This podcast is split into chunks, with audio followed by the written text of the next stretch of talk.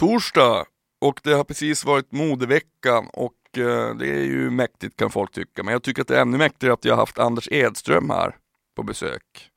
Anders är fotograf och filmmakare för er som inte vet. Ehm, och han har även fotat en massa mode genom sina dagar. Eh, han kom hit med sin asgulliga hund Silla. Och vi pratade om hetvägg. För er som inte vet vad det är så är det en fantastisk vulgär skapelse gjord på kokande varm mjölk och semlor. Semla. Fantastiskt.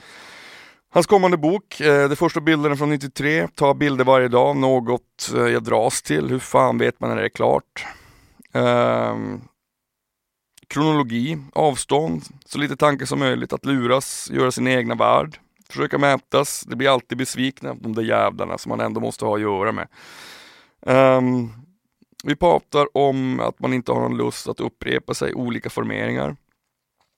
Han, ja, vi pratar om Martin Margelo också som som Anders har jobbat mycket för. Att cykla omkring i Japan, hans samarbete med Back, med Ann-Sofie Back. Älskar det alltså.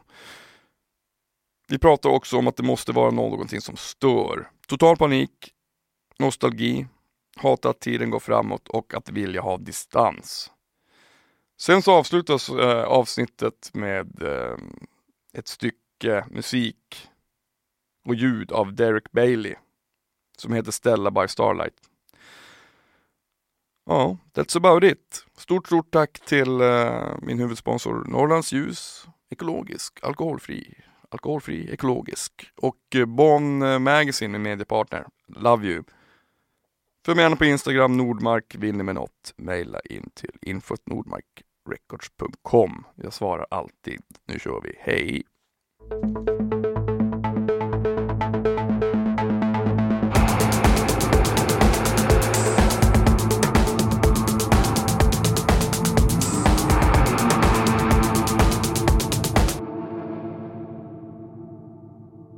blev ingen hetvägg idag. Nej. De hade, de hade inga där uppe. Va? Nej, helt sjukt. Vi, vi, vi pratade om det igår, att vi båda älskar hetvägg. Ja. Varm mjölk och semla. Det är ju liksom, jag tror jag, du är den enda i hela världen förutom min morsa som gillar det. Och min son. Och din son ja. ja. Och han är ändå jävligt ung. Ja. Och min dotter tror jag faktiskt. Ja. ja. Anders Edström, välkommen till Nordmark podd. Tack. Hur känns det bra? Ja. I livet? ja, det känns bra. Jag hade ynnesten att få komma hem till dig igår och kolla på eh, och se hur du, hur du hur du jobbar. Det var väldigt fint att när jag frågade om du ville vara med, du bara ja absolut, men du måste komma hem till mig så jag får visa eh, visa liksom hur, hur, hur det går till arbetsmässigt sett och sådär. Och det var jävligt eh, mäktigt att se för att det är så, jag har så, jag vet ju om hur jag jobbar när det kommer till musik. Men det här kändes så monumentalt på något sätt. Alltså först när jag såg att du hade bilder runt om i hela lägen, i hela vardagsrummet. Och det var inte ens i studion.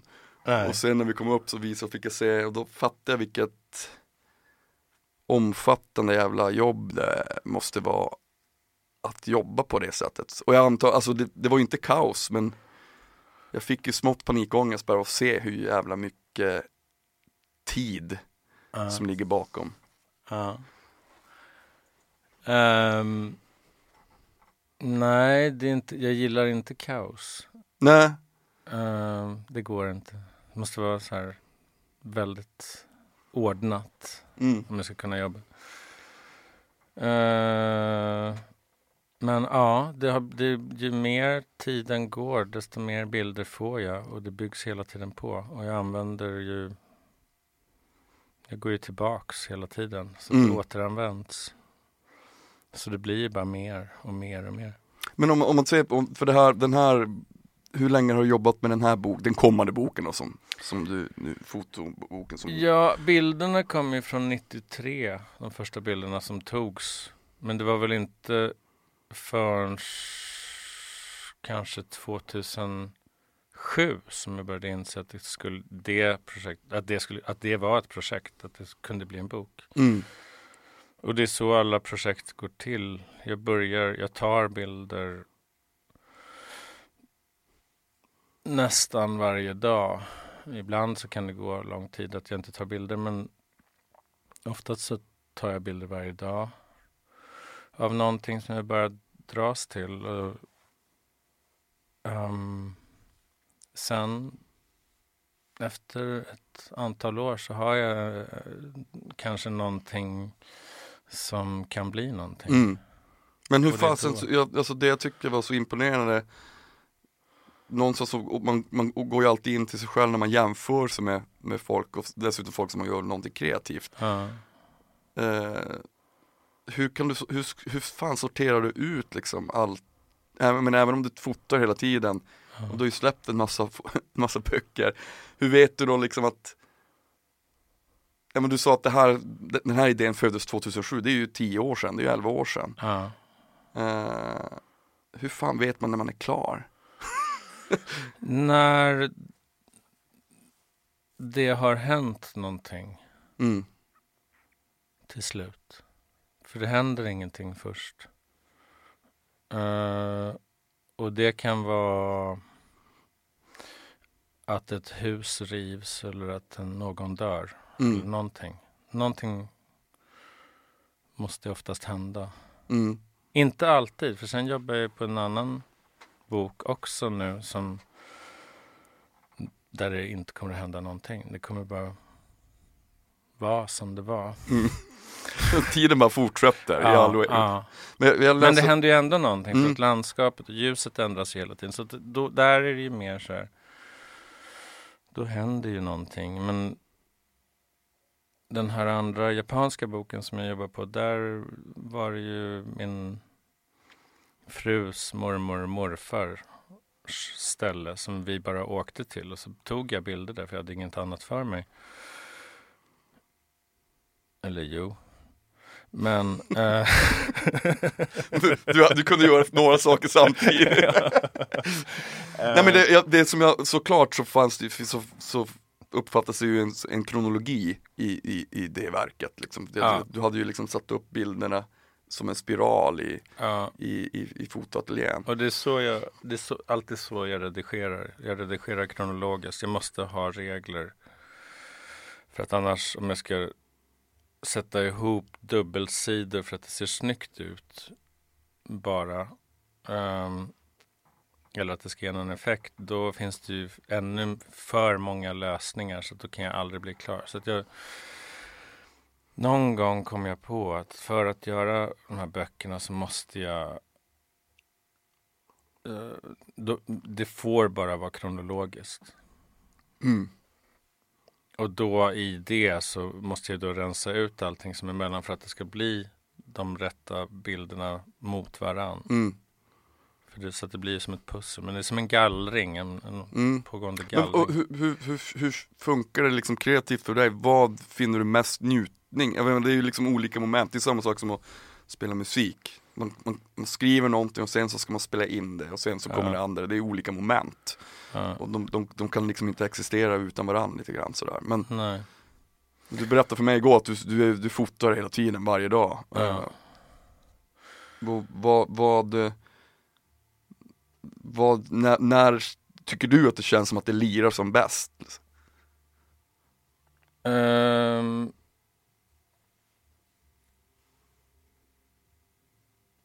Det är väl när jag kan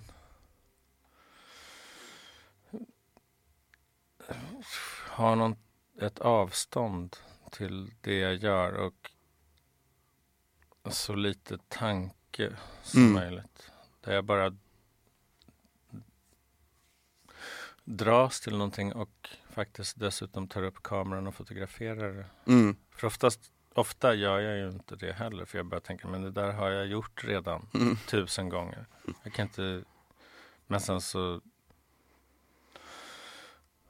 Ja, till slut ramlar man ju på någonting som man bara inte kan stå emot. Nej. Jag läste någonstans att du har ju liksom att du ser, när du fotar så ser du att fotografiet är att allt är som bara ett objekt i, när du fotar.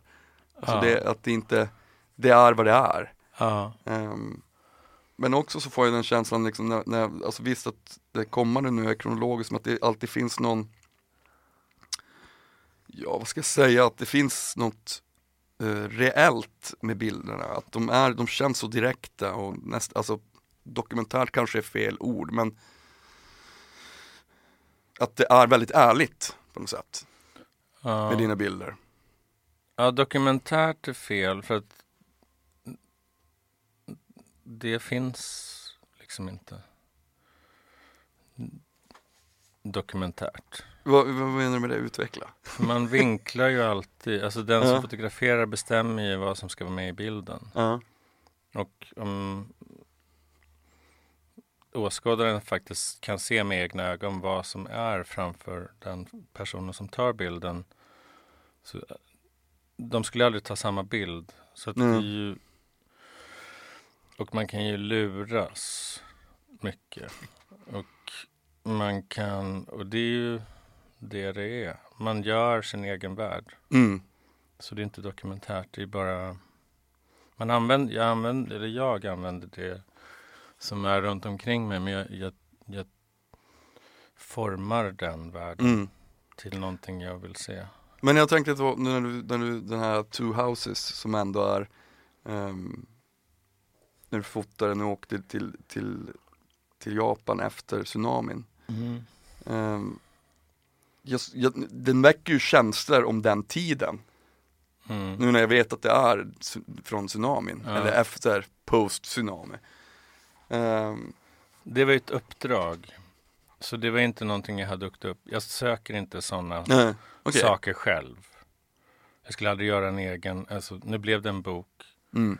För att egentligen skulle det, de, den här tidningen som är en arkitekturtidning i Japan, de bad mig åka dit och dokumentera det här med tsunamin. Jag fick göra vad jag ville. Och jag skulle få 20 sidor plus omslaget. Mm. Så jag åkte upp dit. Först visste jag inte riktigt om jag... Det kändes lite konstigt kanske för mig att göra en sån sak. För att det var ju bara en massa elände och en massa folk som hade dött. Och det är inte riktigt min... Jag kände mig, jag vill inte vara liksom dra nytta. Eller jag vet inte, jag hade sådana tankar. Så, men sen till slut så tänkte jag, nej men vadå, det har hänt. Och jag har chansen att åka dit. Och... Så tackade jag ja, så gjorde jag det. Och eh, jag visste inte alls vad jag skulle göra. Men så att vi kom ju till Sendai då, som vi flög till. och först såg man ju ingenting av tsunamin. Mm. För att den hade ju inte gått dit upp. Men sen så hyrde vi en bil och så körde vi mot där det hade hänt. Och kom in i dit där tsunamin bara hade slutet på tsunamin så att den hade nått upp dit kanske och kanske gått upp ja, för, till slut där den inte hade ha, kanske bara blivit en centimeter djupt vatten Mm. som en stor våg på stranden. Mm. Men det var flera, jag vet inte hur långt, men kanske en, en mil eller Mm. mer upp. Och där var allting, även där det hade bara varit två meter djup så var ju allting förstört ändå. Och det hade varit enorma krafter och det var så då, då tänkte jag att där vill jag börja fotografera. Och jag Mm. visste inte var för att allting såg likadant ut. Så helt plötsligt började jag säga åt den här killen som körde att okej, men stanna här. Och Mm. så bara, jag bara var tvungen att gå av någonstans. Mm. Och då blev det bara det här huset som jag gick av vid. Och där började det bara gå runt hela huset och fotografera vartefter. Och sen när jag hade gått runt det huset, då såg jag, då var det en liten sjö fortfarande kvar. Och då gick jag över på andra sidan den här sjön, då var det ett annat hus där. Och då gick jag runt det och fotograferade det. Och sen så fotograferade jag tillbaks mot det första huset Mm. jag hade varit. Så man kunde se båda platserna. Och bara vara helt kall. Jag, alltså jag kände att jag kan inte gå omkring här med en massa känslor. Jag måste Nej. bara gå och fotografera det på något sätt.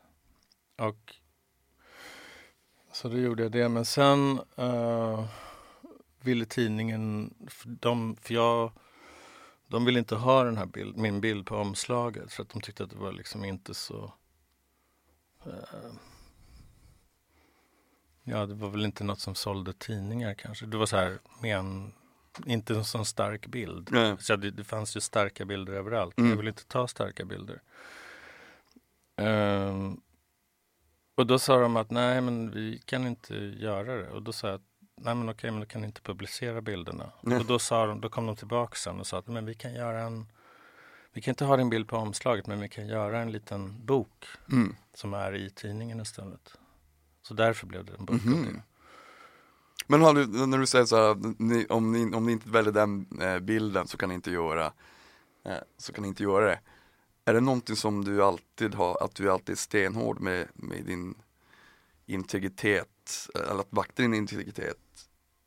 Att det måste vara på ditt sätt när det kommer till, till din konst och din, eller dina bilder? Jag kan jämka, men om de hade sagt att det skulle vara ett omslag Mm.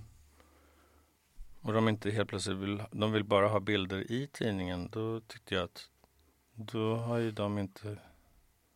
Jag hade ju gjort någonting med tanke på vad de hade Mm. bett om. Mm. Om det då inte var det, då var jag inte intresserad längre. Mm. Cool, det är ju, det är ju råmäktigt. Det, det, jag, jag tycker ju liksom att någonstans om man håller på och skapar så måste man ju ha integritet för annars så tappar det ju också, alltså för en själv. Om man nu ska Ja. hålla på med det man vill hålla på med. Annars, Ja. annars så urvattnar man ju sin egen, sin egen konst, tänker jag. Ja, men jag jämkar ju också. Jag är inte omöjlig att jobba med. Om det är kommersiella saker, Nej. då fattar jag ju också att man måste ju försöka mötas Mm. någonstans. Men jag är ganska... Alltså jag kommer inte, de kommer inte få några bilder som jag inte vill ha. Nej. Men är det, nu, är det nu så att du har hållit på så länge att menar, om de vet att de anlitar dig för någonting så vet de också om din estetik på något sätt eller att så här, men det här Anders Edström är lite grann det här vet vi att vi får. Ja, samtidigt som de alltid blir besvikna. Det är redan fint, fint, göra folk besvikna hela tiden. Ja. Det, måste, det är alltid en del av målet. Ja. Men jag läste också någonstans att du var så här att, att, att du, du alltid också vill eh, eh, När en sak har varit, då, då, då vill du på något sätt blicka framåt. Ja, Stämmer det? Ja. ja jag har ingen lust att upprepa mig. Nej. Det är tråkigt. Det, det, så känner jag samma sak när man gör musik. Det är ju ibland eh, kanske lite att göra det svårt för sig, men jag, det finns ingen anledning att göra samma musik två gånger. Nej. Det, det, det är ju, om man nu har den här begränsade tiden. Så det enda man bli- kan göra två gånger det är att ta semlor med. Fan, Nej, inte det enda. Man kan göra många saker två gånger. Men inte på samma sätt. Nej. Men jag tänkte på när du fotar, alltså just med eh, När det kommer till att liksom se sin egna konst. Har, du någonsin haft en sån här period när du bara, fan det här Det här är för mycket tvivel. Jag jäm, alltså att man, man, man kanske vill snegla på någon annan som, som också är fotograf du vet. Eller liksom så här, har du alltid bara Nej. fokuserat på ditt? Ja. För det ingen Jag kan ta är helt foton som du. ointresserad av fotografi. Egentligen. Jag tittar inte, alltså jag var intresserad av fotografi. Jag var ju helt inne i fotografi. Mm. När jag var yngre och jag ville bli någonting. Jag hade idéer om vad jag skulle Liksom jag, ville, jag vet inte vad jag ville bli. Först ville jag bara bli någon som var, jobba som liksom kunde försörja sig, ha en studio och fotografera packshots på så här aspirin eller Mm. någonting. Men, och det var gott nog. Och då tänkte jag liksom, då var jag fotograf. Men sen så när jag väl märkte att jag hade lärt mig det och kunde det, då ville jag ju någon annanstans. Och sen Mm. någon annanstans. Sen någon annan, för sen blev jag ju, ville jag vara modefotograf. Men sen så kom jag på att nej men, nej. Vill, och sen så började jag ta mer och mer bilder och kom på att men jag är faktiskt intresserad. Jag gillar att ta bilder. Mm. Eller det gillade jag ju hela tiden men jag hade ju inte haft så Jag hade inte trott att jag skulle kunna göra mina egna bilder. Jag trodde, när jag var yngre alltså, Mm. på det sättet. Nej. jag Men, ville när, bara vara någon som jobbar Ja. som fotograf. men vad heter när, när, när märkte du så fan shit, jag kan verkligen leva på min konst. Det här funkar ju. Fan det- weird. Va, det hur är är- det ens möjligt? Du vet sådär. Det är förra året.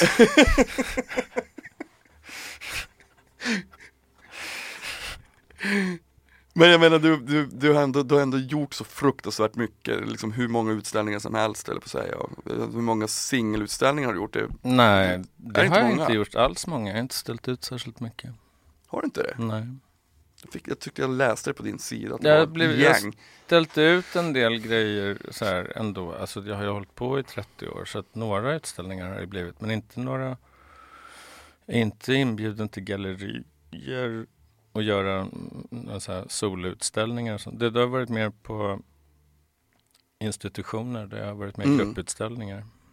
Men hur, vad, om man går tillbaka till när, när du började intressera dig för fotografi och vad, hur, hur, hur kom du in på att du skulle börja fota mode och sådär? Vad var det som var det språnget? Vad, vad gav, Det var för att jag hade fotograferat först, eller jobbat som assistent hos produktfotografer mer. Uh, först hos en som gjorde, inte var så duktig i Solna och sen så två andra i, mm, på Söder, två reklamfotografer. Och de fotograferade mycket för Nokia också. Det blev datorer och man skulle bär, lyfta på de här datorerna och ställa dem i olika formeringar och damma av dem och fixa. Det kunde ta två dagar att ta en bild ehm, eller mer om det var komplicerat. Ehm, men så när jag eh, kände att jag började kunna det de gjorde då visste jag att det var inte det jag ville göra. Mm. jag ville, men då hade jag börjat titta, se eh, de prenumererade, prenumererade på klick. Så då brukade jag titta på den i, i den och såg fotografer som Mikael Jansson och de som kom hem från New York och Mm. började jobba här och, och gjorde samma sak som den fotografen de har jobbat för där. Mm. Precis likadant. Ehm, och då tänkte jag att nej men, ja, mode verkar väl bra. Det verkar fritt. Mm. här, och, man, och modellerna kan flytta sig själva. Jag slipper bära dem. um, var en stor grej för att det var ett jävla bärande. Eh, men då alla andra åkte till... Hade, det var många assistenter då, slutet på 80-talet, som åkte till New York för att jobba. Och svenska assistenter var väldigt populära för att Mm. ja, vi hade väl rykte om oss att vara inte prata så mycket och inte ha så för stort ego utan men jobbade bra, var pålitliga, kom i tid och allt det. Så det var tydligen lätt hörde jag, men, så, men det, därför ville inte jag åka dit. Jag ville åka till Paris, Mm. Dit ingen annan åkte just då och så gjorde jag det. Det började redan då den här grejen med att jag måste göra min grej. Ja, ja, ja. Och det har hållit i sig hela vägen. Men, och, Ja. och vadå, men, och, för att, men du har ju jobbat för Martin Mar Margiela. Eh, Ja. och, som är någon slags, han, han är ju en, nästan, nästintill en mystiker när det kommer till att veta vem han är. ja. Hur, hur kom du i kontakt med honom? Eh, det var för att när jag åkte ner till Paris så um, började jag plugga franska på Alliance Française. Och i min klass så var det en norrman som ville bli designer. Och så bestämde vi att Ja men ska vi inte, för jag hade aldrig gjort några modebilder, men vi bestämde, men ska vi inte göra några modebilder tillsammans? Mm. Eh, och då sa han att ja, men jag känner en tjej som är pressattaché för Martin Margiela. Som inte jag visste, men han, Margiela hade gjort en kollektion vid det laget. Mm. Så jag hade ingen aning. Jag hade ändå ingen koll om mode. Men så gick jag dit och med, med den här norrmannen. Och ja, det var ju för mig ganska konstiga kläder. Så jag tyckte liksom, men jag tyckte skitsamma. um, det var liksom inte så glamoröst. Um, tyckte jag då. Men skitsamma, får vi bara några kläder. Så vi ljög för dem. Vi sa att vi skulle göra en tidning för Slits. Eller eh, en, en, bilder för Slits. En special Margiela för Slits. Och Slits var då en kopia på The Face. Mm. De hade samma logga och allting. Jag vet inte vad Slits är nu, men det är typ någon erotisk Ja, jag vet inte. Om det finns kvar. Jag, vet, jag, ja, jag vet inte. Ja, men det blev det i alla fall efter ett tag. Mm. Men då var det det. Och så tog vi dem och då fick vi några kläder och så gjorde vi bilderna.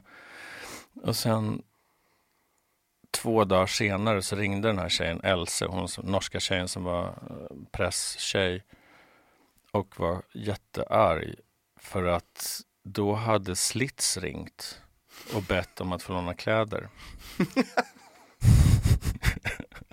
Ni bara ouch.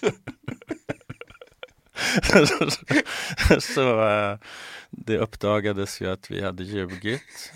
Och, men hon var bara sa, men då måste du komma, i alla fall komma hit och visa bilderna. Mm. Så jag printade upp några bilder i mitt kök. Och gick dit med dem lite så här rädd. Och hon öppnade dörren så här väldigt lite och tog kartongen med bilder och smällde dörren i ansiktet på mig.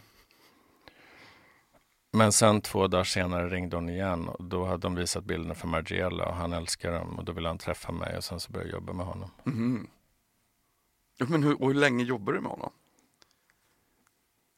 Ja, det var från och med då, 92 fram till tills jag flyttade till Japan 2004. Mm. Alltså jag jobbade med honom. De kallade in mig när de ville ha bilder ibland. Mm. Eller plåta backstage eller någonting sånt där. Fan vad fett. Mm.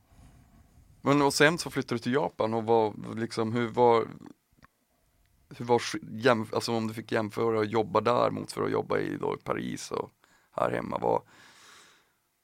Mm, nej men när jag flyttade till Japan, det var ju, då la jag nästan av mm med fotografi i tre år. Tog inte så många bilder då. Vad gjorde du då? då? Cyklade omkring. och lite andra grejer. Men vad var det som fick, vad fick dig att liksom ta upp fotografiet igen då? För att jag var tvungen att komma från Japan. Mm. För jag sa till mig, för alltså det var bråk hela tiden om att jag ville ju hem. Eller jag ville tillbaka till Europa men och då en dag och så var det bråk hela tiden om att för att min fru ville inte åka, eller hon tyckte inte att hon kunde åka tillbaks då. Och till slut så sa jag bara, nej men jag måste verkligen tillbaka. Och då sa hon, men då måste du börja fotografera ordentligt igen. För att annars, hur ska du komma tillbaks? Mm. Vad ska du göra? Mm. För i Japan så var det, alltså hon betalade ganska mycket. Hon, hon, hade liksom, hon jobbade jag gjorde en del jobb. Mm. Men det var ju hon som drog in det mesta. Mm. Du bara, jag kan inte slå dank mer, jag måste, eller hon sa du, måste, du måste börja jobba för du får inte vara ledig mer. Ja. Men vad kände du när du kom tillbaka då? Att så här, men nu har jag hittat, nu har jag fått tillbaka den här lusten med att, med att, jobba igen. Nej men lust, lusten kom tillbaka när vi gjorde vår film. 2006 filmade vi den och då kom lusten tillbaka. Så jag kom väl tillbaka och började fotografera och då kom jag på att men jag kan ju göra det här. Mm. Jag är inte så dålig. Uh, och då uh, fick jag lusten tillbaka och sen så tog det ju lång tid och då, sen så kom jag på efter ett tag att jag hade ju försvunnit från hela sen, det var ingen som visste vem, det var mång, väldigt många som inte visste vem jag var längre. Mm. Från mm. att ha varit ändå, jag kunde lätt ringa folk och få liksom mycket vad jag ville. Mm. Innan jag flyttade till Japan. Det, men sen så när jag gick under radarn totalt så var jag, ja, folk glömde bort mig ganska fort. Mm. Och sen så var jag tvungen att jobba och göra massa, det har ju tagit år. Alltså Mm. det tog, det är, men allvarligt talat, det är inte förrän förra året som jag känner att jag är tillbaks Mm. på något vis. Men jag, gör. jag, jag tänker så här ibland att, det- att de, de där, den där dynamiken, oavsett om man gillar det eller ej, eh, när man har hittat någonting som man vill uttrycka, eh, måste finnas. Det, det kan inte vara liksom konstant en, en rörelse som, som gör att man hela, att det alltid går bra till exempel. Eller att man, det, den, den skillnaden gör också att man liksom kanske upptäcker någonting på nytt. Ja, nej, men min son sa faktiskt det till mig bara för några veckor sedan att han, han bara sa, att- för han såg några bilder jag hade tagit i Japan och då sa han att om jag inte hade bott i Japan så hade jag inte alls kunnat ta de bilderna som jag tar nu. Mm.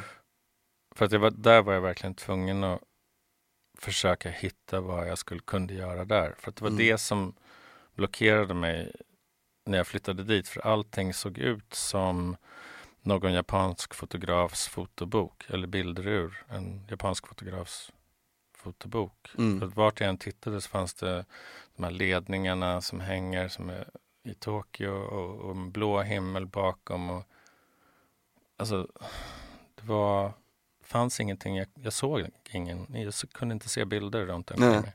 Förrän jag hade bott där i tre år minst. Mm. Och det, så jag tror att varje gång jag, för jag kan inte åka på semester och ta bilder. Jag kan inte, jag måste vara, platsen måste bli min innan jag kan ta bilder. Mm. Det är väldigt intressant. Det är ju liksom, jag vet inte, jag är ingen fotograf alls sådär. Men jag kan tänka mig att det, när det är så, det, tid är så speciellt hur, hur, hur, hur man uppfattar det när man ska göra någonting. Jag tänker när du, när du fotar, hur fan, vad, vad är det som inspirerar dig till att, tar du bara bilder som du sa, bara för att du gör det utan att reflektera över det? Eller finns det liksom Nej, alltid det är liksom en... någonting, det är ljuset ofta och material och asfalt och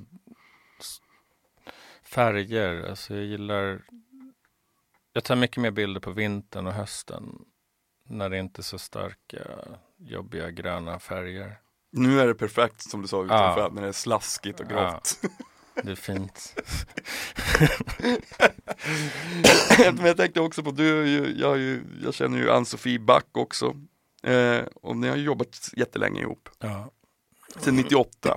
ja.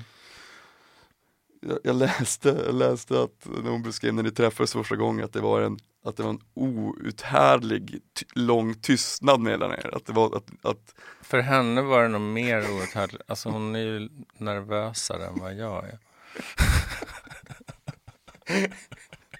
För mig var det inte så himla outhärdligt. Jag tyckte mer att hon, ja, eller jo, det var lite spänt. Det var det, men det var lite jobbigt. Men, men eh, hur, hur, när märkte ni att så här, fan shit det här, vi gillar varandras eh, liksom, det märkte vi på en gång när vi gjorde det. mm, när vi tog bilder ihop.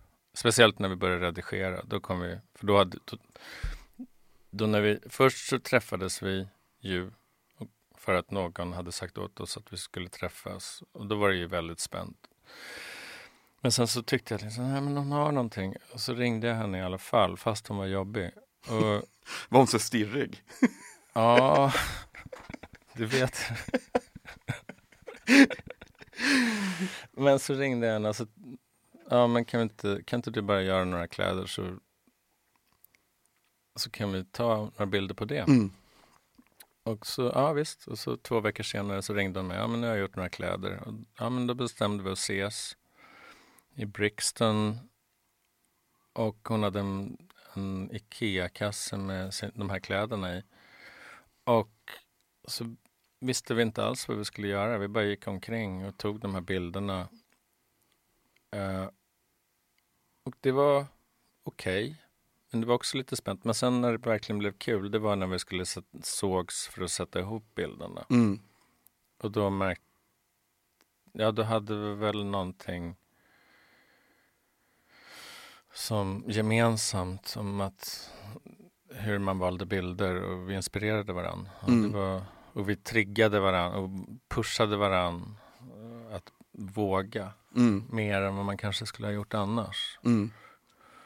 Tycker du att det finns någon, eller är det så med när du inte fotar mode, också att det måste finnas någonting som skaver hela tiden? Ja. Ja. ja men det, jag, det är samma sak för mig med musik, det måste, alltså det behöver inte alltid vara, om man gör en, en låt som är jättesorglig så kan det finnas element i den som, som är på snudd till larvigt. Mm. Eh, det, det, liksom, det blir inte, jag tycker inte att det blir, någon konst blir trovärdig om det är för långt draget åt ett håll bara. Om det inte finns någon Nej. mångfacettering i det som gör att man att, att det finns oväntade aspekter i det, då, då tappar intresset direkt. Mm. Jo, men det, så är det väl. I allt jag gillar. Mm. Det spelar ingen roll vad Men har du, för vad, form. Men det måste vara någonting som stör. mm. Men har du tänkt, för jag menar du, du är ju, du har ju också regisserat film och har, känner du att hela den grejen går hand i hand med, med, med fotografiet också? Ja. Om jag får filma. Mm. Jag kan inte regissera. Eller alltså jag kan regissera. Men jag kan inte tala om för någon annan hur det ska filmas. Nej. Jag måste se det själv. Mm. För att det är ingenting som går att förklara. Det är någonting jag bara, man måste se. Det är, man har den där rektangulära rutan som man ska fylla med någonting. Och Mm. det är ju, där skapar man ju, eller jag, ofta disharmoni. Mm. För nu gjorde den här filmen One, heter det? One plus one, two. Så hade du, vad heter han, Derek Bailey. Mm. Och han är ju avantgarde eh, instrumentalist kan man Ja. säga. Så här. Var, det, var det liksom, ett, hur föddes den idén? Var, var det en, Det var Curtis som jag började göra filmer med. Han och jag, vi bara älskade Derek Bailey och jag lyssnade på Derek Bailey dagarna i ända medan jag redigerade bilder och höll på Ann-Sofie sa att, att när, när, när, när, du spelar upp musik så låter det bara kling, klonk, Ja. klonk. Ja, det är vad hon tycker. Men det är ju, det är ju en utmanande musik, är Ja. det ju verkligen. Det för er som är vana med vers, refräng, vers, refräng, Ja. så, så kommer man ju bli besviken. Ja. Nej men jag, om jag jobbar med, om jag sätter upp ihop bilder och så, så kan inte jag ha oftast eh, om jag kan inte ha, lyssna på en massa ord Ja. för då blir jag störd. Det måste vara ljud. Mm. Så det kan vara någon som sjunger men det får inte vara, jag kan inte höra vad de sjunger. Ja. Det går inte. Men jag, jag älskar ju instrumentalmusik eh, jätte, jättemycket, oftast mer Mm. än, än för ibland kan jag tycka att vokal förstör musiken, Ofta Ja. gör det det. verkligen. Men sen finns det en del som kan. Det, det, det, det, är inte, det är inte helt fyrkantigt. Nej. Men om du skulle liksom, ehm, om, om du, när du, när du berättade när du var i, i Japan och inte hade liksom samma driv för att jobba, om det hade varit något annat, vad har du tänkt så här, men nu, jag skiter i det här nu, eller har fot, fot, Jag fick total panik.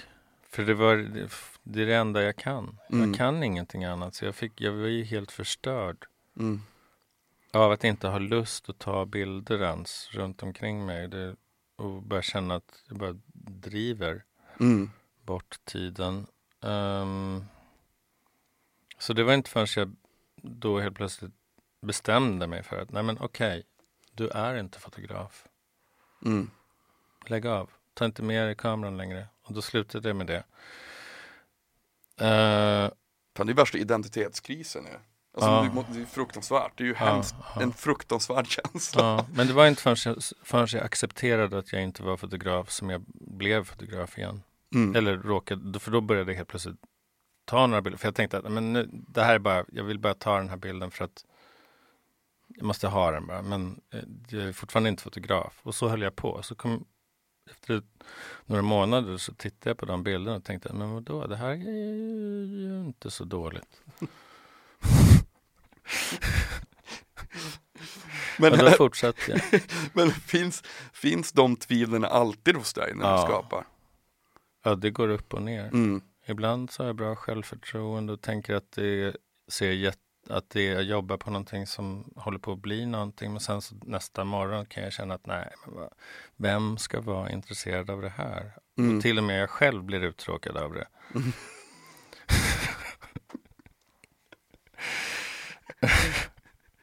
men jag tycker det var så fint när jag var uppe i din ateljé för att, när jag, för att jag ju, jag menar visst jag kan ju tänka mig hur, hur ett jobb går till men det var så omfattande att se um, som sagt hur mycket tid det måste ja. läggas på varje projekt. Ja. Men det måste ju inte läggas så mycket tid. Det där projektet är det största jag någonsin har gjort. Mm. Och det är därför det har tagit så, så extremt lång tid att Men få alltså, ordning på det. När du sa så att du till exempel inte kan lyssna på mus alltså musik med ord och sånt, kan du göra flera olika jobb parallellt? Det, det... Nej, jag måste stänga av det ena när jag, om det kommer in något kommersiellt jobb eller någonting, då kan jag inte sitta och smådutta med det andra. Nej. Då får det ligga på vänt. Mm. Men jag jobbar ju på det parallellt och det finns väl någonstans i min hjärna. Men mm, nej, jag, jag, måste jag kan bara tänka på en grej ordentligt i taget. Men jag, jag tycker jag ju, ja. att det är svårt att höra ibland eh, kan det vara svårt att stänga av. Alltså, du berättar att du hela tiden har med dig kameran, du fotar hela tiden. Kan du någonsin vara ledig uppe i hjärnan eller är det alltid liksom en, en pågående process av någonting? Ja, det är väl alltid en pågående process av någonting. Men jag är ganska bra på att Alltså för, för, för det är inget jobb för mig. Alltså det är ju en hobby. Det är ett jobb som, den, som du har hållit på med i 30 år. Ja, en hobby det, som du gjort. Ja, det, det är ingen ansträngning riktigt. Mm. Utan det är bara någonting, jag bara gör, det, det är ett behov. Jag mm. gör det. Jag kan inte, jag försökte ju sluta men jag kunde inte. Mm. Jag, känner, jag känner ibland när jag, när jag gör musik att, att, uh, att jag har ganska nära till någon slags manisk beteende. Mm. Men jag älskar det. Mm. Alltså jag älskar när jag, när jag känner att jag vill inte gå härifrån. Mm.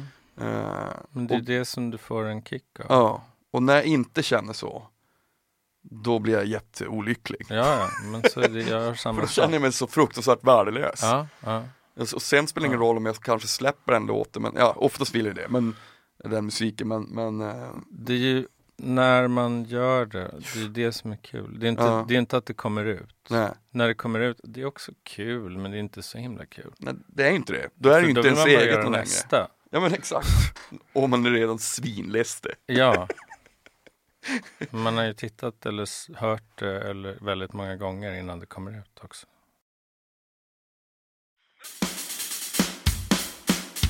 Men, men Vänt, vänta nu, vänta nu. Hur tycker du att det här går? Inte. Det är så varmt. Ja, jag känner mig men... inte riktigt i form alltså. Jag vet inte vad som har hänt. Vet du vad du ska göra då? Jag tycker du ska testa att ta en Norrlands guld ljus alkoholfri. Bra mot törst. Testa här.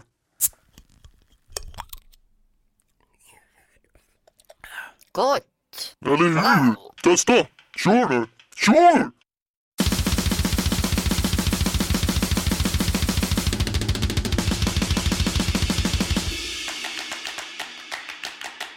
Hatar du nostalgi? Ja, ja, jag är väldigt jag är nostalgisk. Men jag hatar att få I fram jobb, det i mina ja. bilder. Mm. Jag vill inte att de ska vara nostalgiska. Jag, jag, jag är livrädd för nostalgi. Jag tycker mm. det är fruktansvärt obehagligt. Mm jag förknippar alltid nostalgi, det, det finns alltid något sorgligt. Ja, det är jättesorgligt. Men jag är väl, jag blir, jag börjar ju gråta lätt. Det gör jag med. Men jag, jag vet, Av sådana saker. Och vi- jag vill ju inte att någonting, jag hatar ju att tiden går framåt. Eh, Och det är väl det som är nostalgi, men man vill att det ska vara som just det där, eller ibland om det är något så här underbart tillfälle, då vill man ju bara hålla kvar vid det. Men Mm. jag, är, jag är ofta den som går sist från festen. samma, samma här. Jag vill inte att det ska ta slut. När det är kul, då vill man ju inte att det ska, att det ska sluta vara kul. Nej, men sen så blir det rätt sorgligt när man är där och Mm. går traskar hem.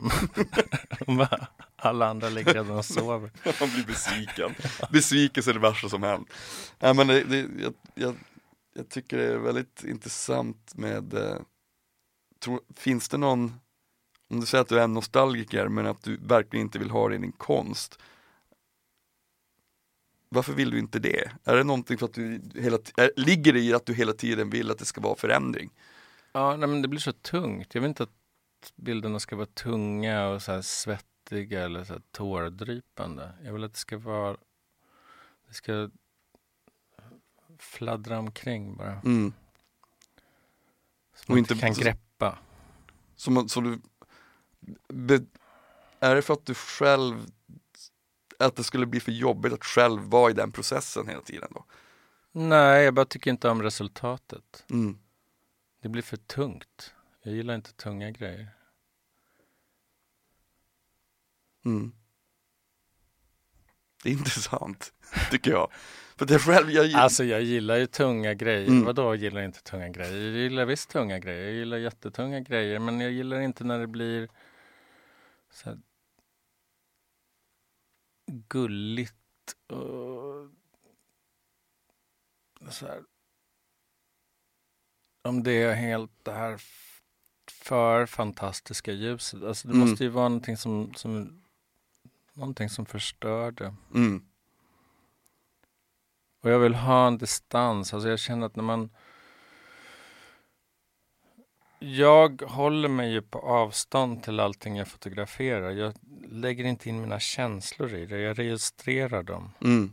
det, det jag ser och, och, och arrangerar det med att flytta kameran. Men jag, arrangerar, jag flyttar ju inte på grejer Nej. i en... Jag låter saker vara, men det, man arrangerar, ordnar det ju i sökaren, i vad som kommer med i bilden. Mm. Även om man oordnar det också. Mm. Men ja, så jag, i och med att jag har distans till, eller försöker ha distans till det jag fotograferar så blir det ju inte nostalgiskt. Nej. Annars skulle jag kunnat åka till Sendai och försöka känna med alla de här människorna som har dött och liksom försöka också gråta med dem. Mm. Men jag kan inte göra det. Jag måste ju gå dit och bara, nej, det här hände, dung, dung, dung. Mm. Ja, det är, det, är, det, är, det är jävligt intressant. Tror, men har du, när det kommer till, liksom till fotografi, har, hur, hur, hur var skillnaden tycker du med eh, när det var på film och till exempel det digitala? Var, den, en, var det en övergång för dig snabbt? Ja, jag gjorde den övergången förra året. För då var det exakt 30 år, år som jag hade fotograferat. Mm. Och då hade jag tänkt innan att nej, men jag ska fotografera på analog tills jag dör. För att jag ville ha samma material från att jag börjar tills jag slutar. Och se vad som blir på det. Men sen så kom jag på att nej, men nu börjar det kännas retro. Det här Mm. med analogt. Det var en, och då började jag känna så här, nej men jag måste nog byta till digitalt. Och så gjorde jag det då. Mm. Jag klippte av. Och innan det hade jag inte kunnat, för fem år sedan, eller sex, sju år sedan kanske också, så missade jag en del jobb för att jag fotograferade på analogt. Mm. Eller uppdrag. Och retro har ju en tendens att bli nostalgi liksom. Ja, ja exakt. Så att därför. Så att sen när jag väl bestämde mig för att byta över, då var det ju massa, min agent och massa folk som försökte få mig att fotografera analogt igen. För de tyckte Mm. att du gör det, är så vackert när du gör det. Mm. Ja, just därför kan, måste jag sluta. För det jag vill inte att det ska vara vackert. Jag vill Mm. att det ska vara... När jag började fotografera så använde jag ju en vanlig Nikon-kamera. Som alla, det var ju en vanlig kamera, inte storformat eller något så här proffsigt. Utan en bra kamera, men som pressfotografer använder. Mm. Och jag kände att det är så jag vill fotografera, ungefär som man skriver med en kulspetspenna. Mm. Och du ger tusen kulspetspennor till tusen personer och säger åt dem att skriva en liten berättelse. Alla kommer ju med den grejen skriva sin grej. Mm. Och några bättre, några sämre. Eller intressantare eller ointressantare. Och det var så jag tänkte med fotografiet. Om jag börjar fotografera saker som jag ser dem utan att lägga in mig själv eller lägga in vinklar. Utan Mm. bara vara helt så här. Se någonting, inte hålla på att krypa på golvet eller upp och klättra i en gran. Bara ta det där jag är ifrån. Mm. Och, och så i och med att jag samlar de här bilderna så skriver jag ju, då tänkte jag att då kanske kommer det komma fram någonting ur mig ändå, även om jag försöker hålla distansen. Jag behöver inte Mm. lägga i extra.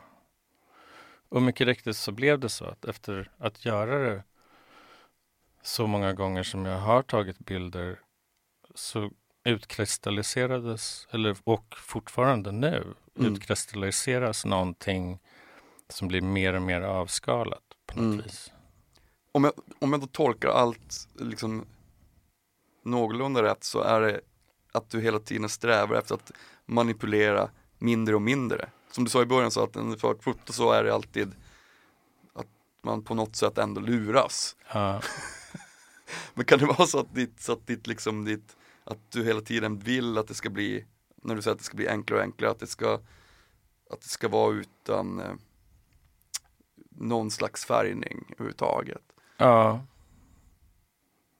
Men sen ibland så lägger man in den stora Mm. Symbolen eller någonting på ett ställe och så ger den en effekt till de andra bilderna. Alltså det är Mm. inte bara, man kan inte bara tänka så heller att bara, men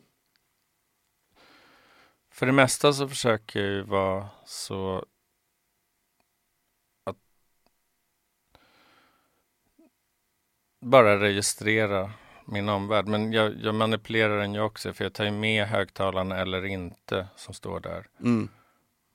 Det är ju hur det, det är bara intuition. Mm. Men gör det så svagt jag kan för att sen kunna sätta ihop bilderna lättare. För om det är massa starka bilder och med mycket form och färg eller vad det nu är. Då man lägger dem bredvid varann så slår de ju ut varann. Mm. Så jag tycker vi försöker mer bygga, jag bygger ett, ett bild jag- det är det jag gör när jag går omkring och fotograferar. Jag vet inte riktigt vad jag kommer att använda dem till, men jag registrerar och eh, ja, får det här på film eller digitalt grunks. Ehm, och sen så har jag liksom, då blir det en bildbank som Mm. jag kan bygga saker med om jag behöver. Och så är det som en massa så här murbruk och så är det vissa tegelstenar som är de starkare bilderna som man ibland kan lägga in Mm. om man vill. Det är så jävla intressant för det är, ju- det är ju som att skriva ett stycke musik eller Ja. det alltså, eller, eller fan laga mat. Ja. Alltså att det måste finnas den här dynamiken i det för att, Ja. så att det ska kunna väcka någonting Mm. när, man, när, man, när man kollar på det. Ja. Men du, har du något, har du något namn för kommande boken? Jag hade ett som var Todai Motokrashi. Mhm. Ehm, men det kan jag inte ha längre. För jag, när jag hade gjort första utkastet på den ehm, då kollade jag på The World Wide Web. Eh, och då var det någon fransman som har kommit ut med en bok förra Mhm. året med samma namn. Mhm. Så då kan jag inte ha det namnet längre. Så nu vet jag inte. Jag måste tänka. Du, jag önskar dig stor lycka till med den nya boken. Ja, men tack. Tack för att du var med. Ja. Nu ska du få en kram.